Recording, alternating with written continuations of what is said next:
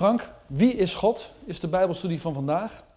Uh, ja, kunnen we, dit, kunnen we deze vraag beantwoorden? Uh, mensen niet. Uh, en, de, niet de meest intelligente theoloog of wetenschapper kan uit zichzelf daar een antwoord op, op geven. En ja, ze kunnen dat wel, maar dan gaan ze wat wij noemen leuteren, kletsen. Uh, God woont in de mensen en God is in de natuur. Dat is allemaal wel waar. En God is, uh, jij bent God en ik zie God in jou. Uh, je hebt mensen als ze het over God gaan hebben en ze proberen dat serieus te doen, dan verzanden ze toch in een beetje, in een beetje flauwe Dus mensen kunnen zonder Gods hulp, laten we maar zo zeggen, niets over hem meedelen. Ze hebben om iets over God uh, te kunnen meedelen, hebben ze de hulp van die God nodig. En ze moeten voldoen eigenlijk aan drie eisen. Als je antwoord zou willen geven op de vraag wie is God, dat antwoord is altijd beperkt, maar dan moet je sowieso voldoen aan drie eisen. Allereerst, je moet een kind van God zijn. Er staat in Johannes 1, vers 12 dat als iemand in de Heer Jezus gelooft, ontvangt hij de macht om zich een kind van God te noemen.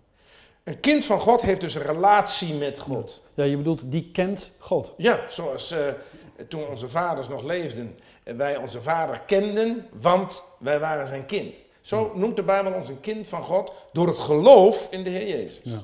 Nou, wil je enige kennis van God verkrijgen, dan moet je zijn kind worden. Zoals elk kind zijn vader kent. En het tweede is, hij moet uh, begiftigd zijn met Gods Heilige Geest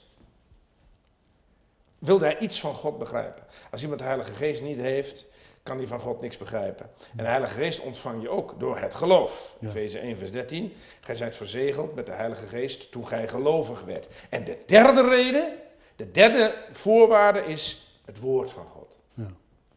Eh, dat is heel simpel. Eh, buiten de Bijbel om is het absoluut niet mogelijk om iets van God te begrijpen.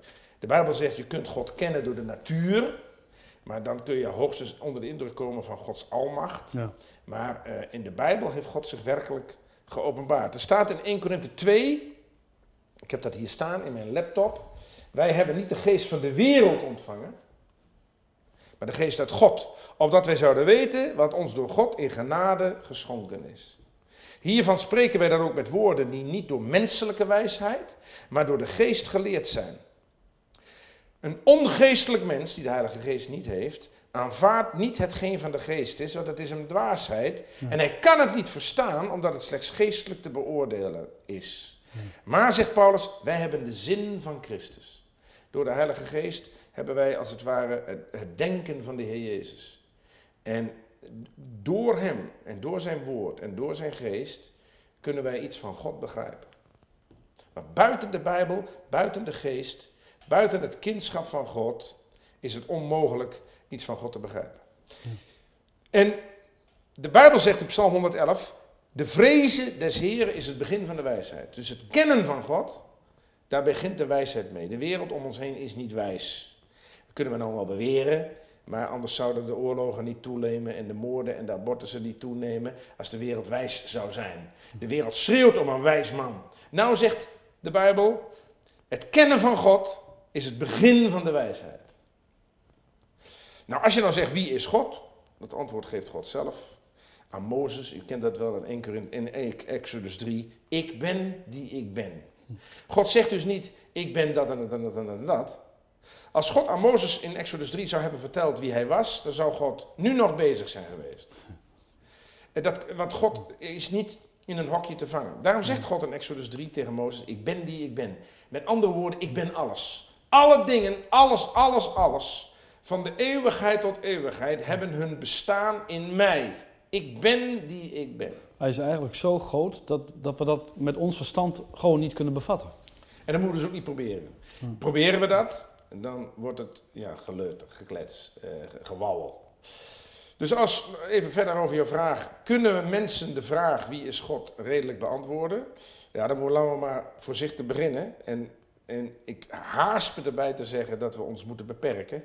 Maar gelukkig heeft God ongelooflijk veel over zichzelf verteld. Sommige mensen zeggen, ook in christelijke kringen, ah ja, van God is zo ver, we weten niks van hem, hij woont een ontoegankelijk licht, is allemaal waar. Maar diezelfde God heeft onzaggelijk veel over zichzelf verteld. Ja, want de Bijbel staat In het woord vol van met God. En, En dat is de vraag of we dat in één, eh, in één uitzending eh, met elkaar kunnen bespreken. Ja. Want de, Bijbel, daar staat zoveel over God in de Bijbel, dat het, het is gewoon jammer dat we dat voor de helft dicht laten. God is zo genadig en zo liefdevol geweest om heel veel over zichzelf te vertellen.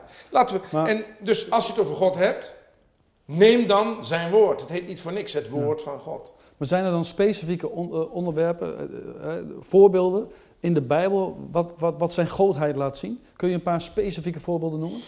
Ja, maar- ja, dat wil ik wel doen. Maar voor die tijd moeten we, moet ik, wil ik eerst wat ik altijd noem de zeven kenmerken van God. En, en ik haast me erbij te zeggen, ik noem er zeven. Want God heeft natuurlijk wel heeft ontelbare kenmerken. Maar ik wil, een, voordat ik jouw vraag beantwoord, eerst beantwoorden een aantal belangrijke kenmerken van God. Voordat ik toekom aan jouw vraag. Allereerst, en, en, en, en voordat ik dat doe, wijs ik op mijn DVD. Die heet God. Ehm, want wij kunnen in, in, dit, in, deze, in het half uur maar zeer beperkt bezig met dit onderwerp. Maar als u echt uitgebreid wil geïnformeerd worden, bestel de DVD God op frankouweneel.nl. Maar laat ik beginnen met het eerste. God is eeuwig. Er is geen mens eeuwig. Ja. Eeuwig wil zeggen, is nooit begonnen en eindigt nooit. Wij Ja. denken dat bij eeuwigheid alleen maar dat het niet eindigt. Maar eeuwigheid is ook nooit begonnen. Hij was er eigenlijk voor het begin en hij is er ook naar het eind. Hij is er altijd. Ja, zou je kunnen zeggen. Het staat op Psalm 90. Eer de bergen geboren waren en gij de aarde en de wereld had voortgebracht. Ja, van eeuwigheid tot eeuwigheid zijt gij God. Mooie tekst. Dus dat maakt God al uniek. Eh, Psalm 92. Maar gij, o God, zetelt in de hoge. God woont hoog. Voor eeuwig. Tweede kenmerk van God. God is een opperwezen. Heel gek. Dat betekent God staat boven de, de grootste mens. God, staat, God is niet eh, te vergelijken met het niveau mens. Er zijn theologen die zeggen, we zouden de Bijbel eigenlijk moeten herschrijven en dan zouden we overal waar God staat mens moeten zeggen. Dat is zulke ontzettende spotternij. God is absoluut boven de mens verheven. Er staat in Psalm 113, verheven boven alle volken is God. Boven de hemelen, dus het heelal, is zijn heerlijkheid. Er staat in Psalm 99, God is groot, hij is verheven boven alle volken.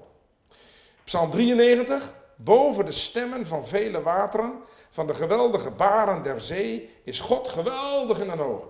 Met andere woorden, God is niet te meten met een mens. Psalm 89. God is zeer ontzagwekkend in de raad der heiligen, geducht boven allen. Met andere woorden, mensen moeten het niet wagen God op één lijn te zetten met zijn schepselen, met de mensen. Volgende kenmerk, God is een persoon. Mag ik nog even wat vragen? Ja, ja. Want eh, de Bijbel zegt wel dat we geschapen zijn naar zijn beeld. Maar dat betekent natuurlijk niet dat we zo groot zijn als hij. Nee, bovendien staat dat voor de zondeval. Na de zondeval is dat verknald. Eh, de, de- God heeft Adam en Eva geschapen naar zijn beeld. Maar toen kwam de zonde. En eh, dat, eh, dat, dat, dat, dat, die prachtige vergelijking van Adam naar het beeld van God is door de zondeval om zeep geholpen. Dus dat is. Maar waren ze voor de zondeval dan wel gelijk aan Eh, God? Naar, naar Gods beeld, gemodelleerd naar Gods beeld. Maar zij waren niet als God. Ja. Ik bedoel, eh, een, een kind dat lijkt op zijn vader, Is niet zijn vader. of niet zijn vader. Ja, ja. Dan eh, hebben mensen problemen om zich God voor te stellen. Dat is natuurlijk ook moeilijk. Maar we lezen wel, je zou kunnen zeggen, dat klinkt een beetje gek, God is een persoon. Er staat bijvoorbeeld in Genesis 3, toen zij het geluid van God hoorden, die in de hof wandelde, wandelde in de Hmm. avondkoelte, verborgen de mens en zijn vrouw zich voor God tussen het geboomte van de hof. Dus ze hebben God niet gezien, maar ze hoorden hem, lopen tussen de bomen. Eh, Genesis 6. Dat God de mens op aarde gemaakt had, smartte hem in zijn hart. Had hij spijt van. Echt, God had emoties, ik zeg dat even zo. God, God betreurde het dat hij mensen gemaakt had vanwege de zonde. Dat zijn eigenschappen die, die die, die we ons kunnen voorstellen als mens. Dan uh, ook in Jona 3, dat God wilde eerst Nineveh om zeep helpen, ja. maar toen bekeerden ze zich en toen deed God het niet. Want God, het berouwde God dat hij besloten had de stad uh, te vernielen. Hij deed het niet. Ja. Um, inderdaad, allemaal kenmerken ook van een persoon. Ja, een richter een negen. Er staat de wijnstok die God vrolijk maakt. Zie? Ja. Dat, dat, dat, staat allemaal in de Bijbel, zodat wij ons een beetje kunnen voorstellen wie God is. Hm. De, de volgende vraag die we moeten beantwoorden, als, als je nog steeds met jouw vraag wie is God, waar woont hij eigenlijk? Waar is hij eigenlijk? En dan zijn er een hoop uh, amateurtheologen of van die, van die namaaktheologen die zeggen God is, jij bent God, ik ben God. En, en de dieren zijn God, niet waar. Ja. God is hier niet. Dat is eigenlijk afgoderij. Juist. Er staat in Psalm 11, God woont in zijn heilig paleis. God heeft in de hemel zijn troon. Niks, geen gezeur. Psalm 113, onze God die zeer hoog woont. Dus als, God, als we zeggen God woont boven in de hemel, dat klopt, zegt de Bijbel. Uh, Handelingen 17. Want in God leven wij en bewegen wij ons. Dat betekent het feit dat wij mensen leven, bewijst dat er een God is. Ik kan aan jou zien dat er een God is. Want uh, het feit dat jij leven hebt, bewijst dat jij een schepsel God bent. En dat je een schepsel van God bent en dat er een God is. Um, hoe ziet hij eruit? God. Ik ben nog steeds bezig met je vraag: is het mogelijk om antwoord te geven op de vraag wie is God? Nogmaals, zeer beperkt, want wij zijn maar beperkte mensen. Maar alles wat ik je nu vertel en nog ga vertellen, dat haal ik uit het woord van God. Hoe ziet hij eruit? Nou, God heeft in de Bijbel op verschillende manieren zich laten zien. God is bij machten zich in allerlei hoedanigheden aan mensen te laten zien. Bijvoorbeeld als een man. Gewoon, daar staat in Genesis 18. En God verscheen aan Abraham. Terwijl Abraham op het heetst van de dag in zijn tent zat. En hij sloeg zijn ogen op en zag drie mannen stonden bij hem. En een van die drie mannen was God. bijzonder. In de, in de gedaante van de engel des Heren. En ik zal zo vertellen. God kan nooit op deze aarde komen in al zijn heerlijkheid. Want dan verdwijnt de mens binnen enkele seconden. Dat kan niet. Uh, God is verschenen in een vuurvlam. Kent het wel, Mozes. Exodus 3, God verscheen aan Mozes als een vuurvlam. Midden in de braamstruik. Uh, en als je je God probeert voor te stellen, speciaal voor kinderen, stel je God altijd voor omgeven door engelen. Er staat in Jesaja 6, ik zag God zitten op een hoge en verheven troon en zijn zomen vulden de tempel. Engelen stonden boven hem, ieder had zes vleugels.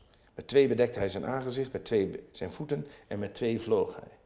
Maar het mooiste, want we kunnen een poosje doorgaan, God heeft zich op allerlei manieren geopenbaard. Het mooiste natuurlijk in de Heer Jezus. Er staat in Johannes 1, niemand heeft ooit God gezien. Maar de enige geboren zoon die in de schoot van de Vader is, die heeft hem doen kennen. Ja. En daarom kon de Heer Jezus ook zeggen, wie mij gezien heeft, dus de heeft de Vader gezien. Ja. God is een drie-enig God. Dat is een, een van de moeilijkste dingen. En nog steeds op jouw vraag, wie is God? God is een drie-enig God. Je moet je dat voorstellen als een driehoek. Als we dat ons tenminste kunnen voorstellen. Op de linkerbeen van de driehoek staat de Vader, rechts de Zoon en onderaan de Heilige Geest. En daar middenin zou je kunnen zeggen in die driehoek God. God de Vader, God de Zoon, God de Heilige Geest. God heeft zich geopenbaard in de Vader, in de Zoon, in de Heilige Geest. En in 1 Johannes 5 vers 7, er staat ook, hè, en deze drie zijn, zijn één. Ja, precies. Ja, Nou, diezelfde God is de schepper van hemel en aarde. Geen gezeur, we hebben het daar eerder over gehad. Uh, God is de schepper van hemel en aarde. Heel simpel. Genesis 1 vers 1. In de beginnen schiep God de hemel en de aarde. Snap ik hoe dat gaat? Nee, maar dat is ook mijn zaak niet. Ik geloof het. Ja. En ik ben niet achterlijk. Ja. Daar staat uh, dat God dus de aarde geschapen heeft.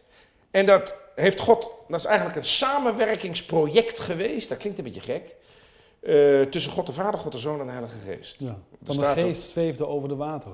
Dus die was er ook bij. ook was er ook bij. En er staat um, in Hebreeën 1, de zoon door wie God de wereld geschapen heeft.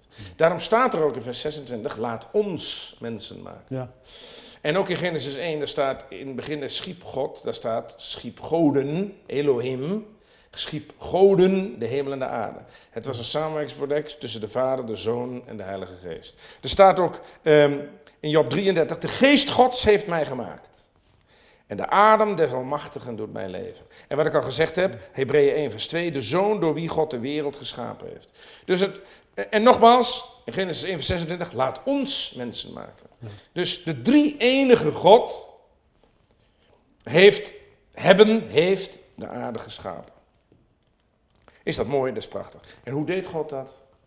God, uh, met eerbied, God had geen schroevendraaier of wat ook. Er staat in Psalm 33, God sprak en het was er. Ja. God gebood en het stond er. Moet je je voorstellen. Hij riep het eigenlijk in aanzijn, toch? Ja.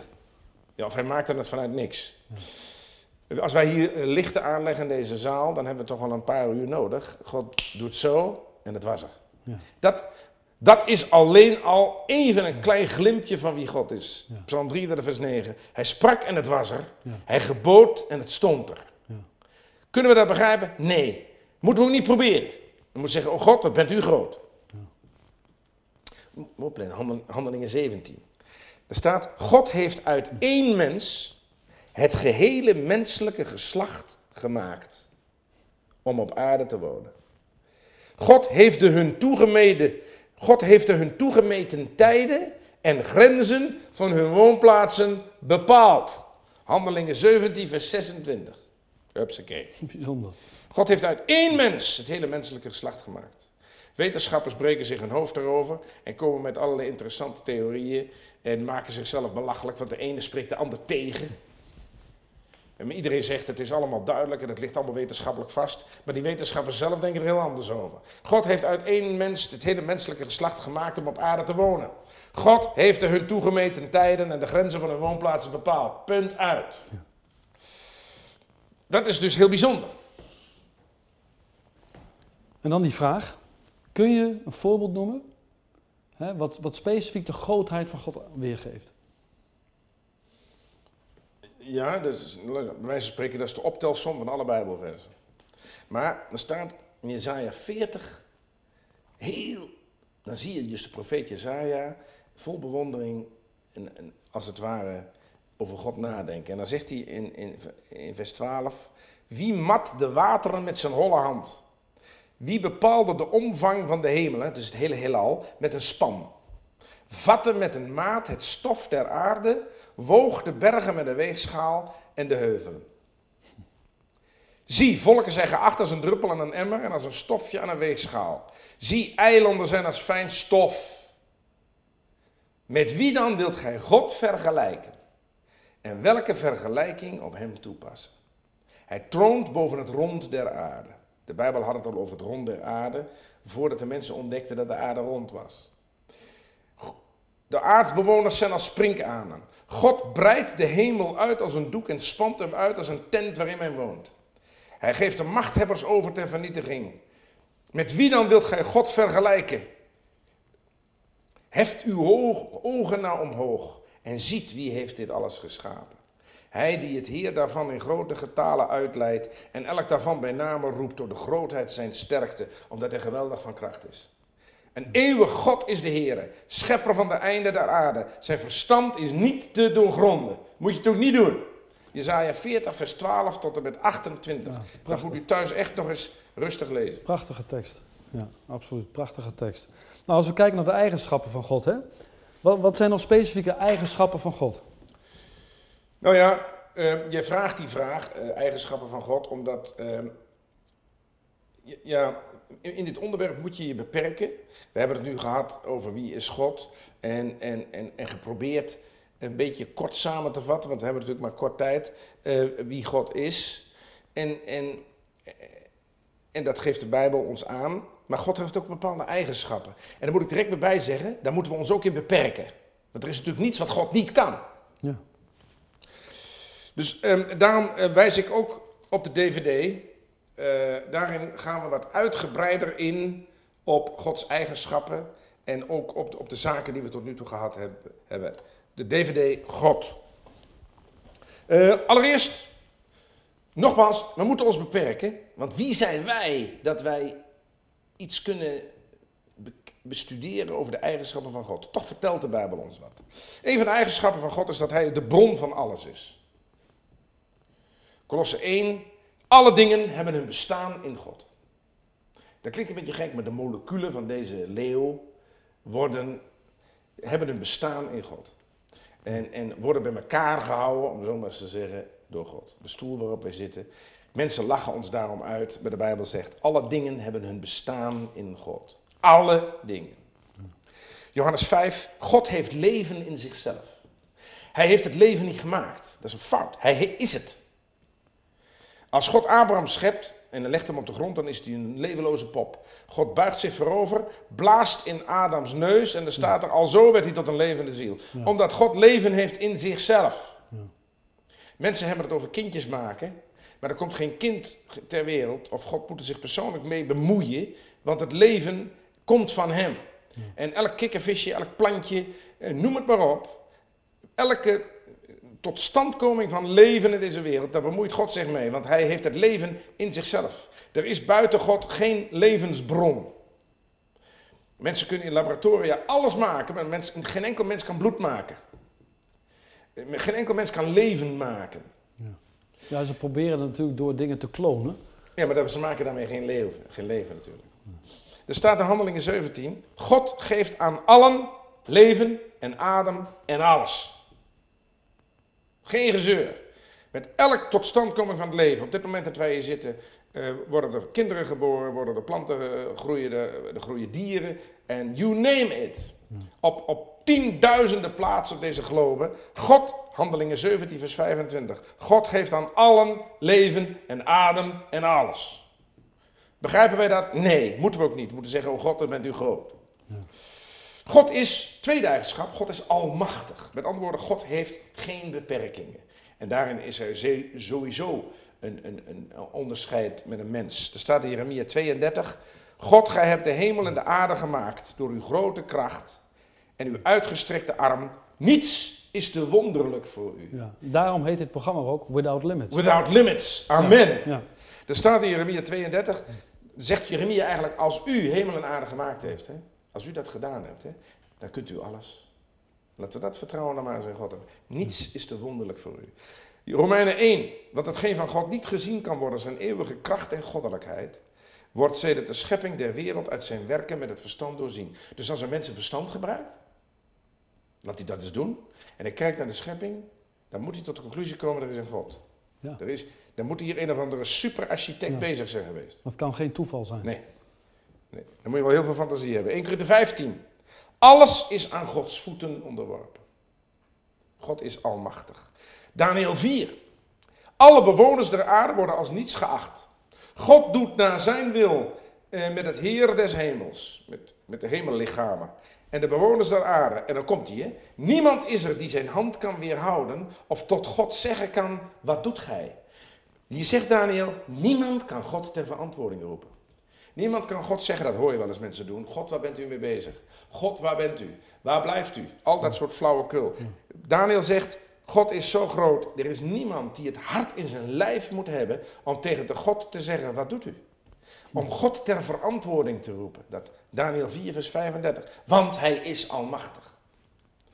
Dan, hij is alwetend. Hij weet alles.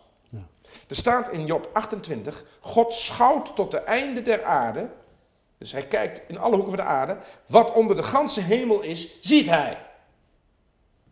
Er staat, Hebreeën 4, dat ken je wel. Geen schepsel is voor God verborgen, want alle dingen liggen open en ontbloot voor de ogen van hem voor wie wij rekenschap hebben af te leggen. Uh, bekend, Psalm 139.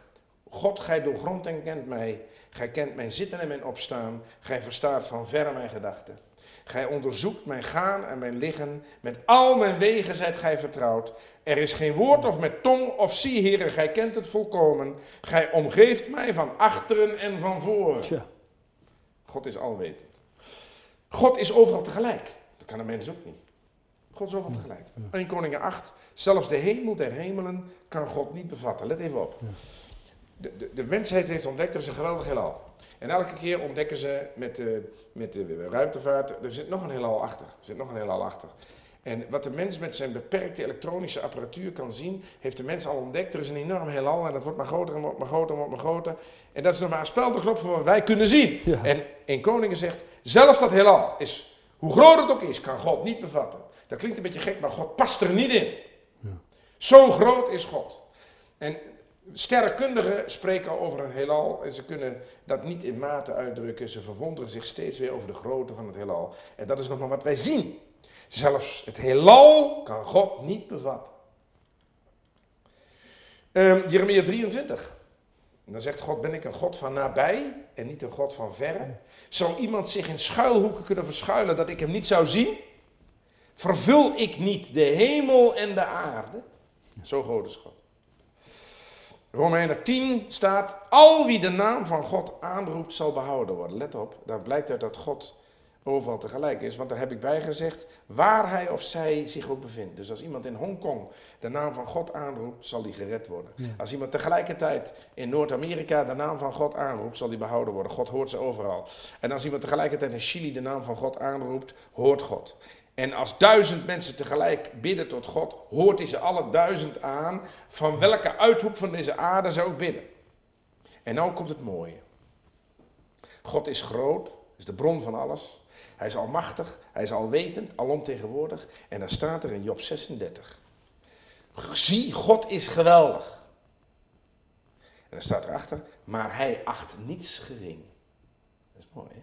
Dus als u hier kijkt naar deze uitzending en uw kind is ziek, of u hebt verdriet, een klein verdriet, en u zegt van, ach, dat zal God wel niet belangrijk vinden, want ehm, het, is maar, ach, het is maar klein. Let op, Job 36, vers 5. God is geweldig, daar hebben we het nou even over gehad. Maar hij vindt niets onbelangrijk. Uw pijntje, uw zorgje, eh, in de ogen van God is dat niet gering. Is dat iets waarmee hij u wil helpen. Job 36, vers 5. God is geweldig, daar zijn we allemaal van overtuigd. Maar hij vindt niets, die geweldige God, vindt niets onbelangrijk. Ja. Eh, God heeft, we hebben het nu gehad over eigenschappen, maar God heeft ook, het klinkt een beetje gek, morele eigenschappen. Eh, bijvoorbeeld eh, mijn vrouw, die, is heel, die heeft een aantal eigenschappen. Die is heel goed met administratie, met computers en, en met van alles. Maar ze is ook heel lief. Dat is een morele eigenschap. Ze is ook heel eerlijk. En ze is ook heel oprecht en heel trouw. Zie, snap je het verschil? Dat zijn ook eigenschappen. En, en zo heeft God allerlei eigenschappen, maar God heeft ook morele eigenschappen. Ehm, en, en ook daarvan laat ik even mijn dvd zien, want daar ga ik uitgebreid op in in mijn dvd. Ehm, die kunt u bestellen bij frankouweneel.nl.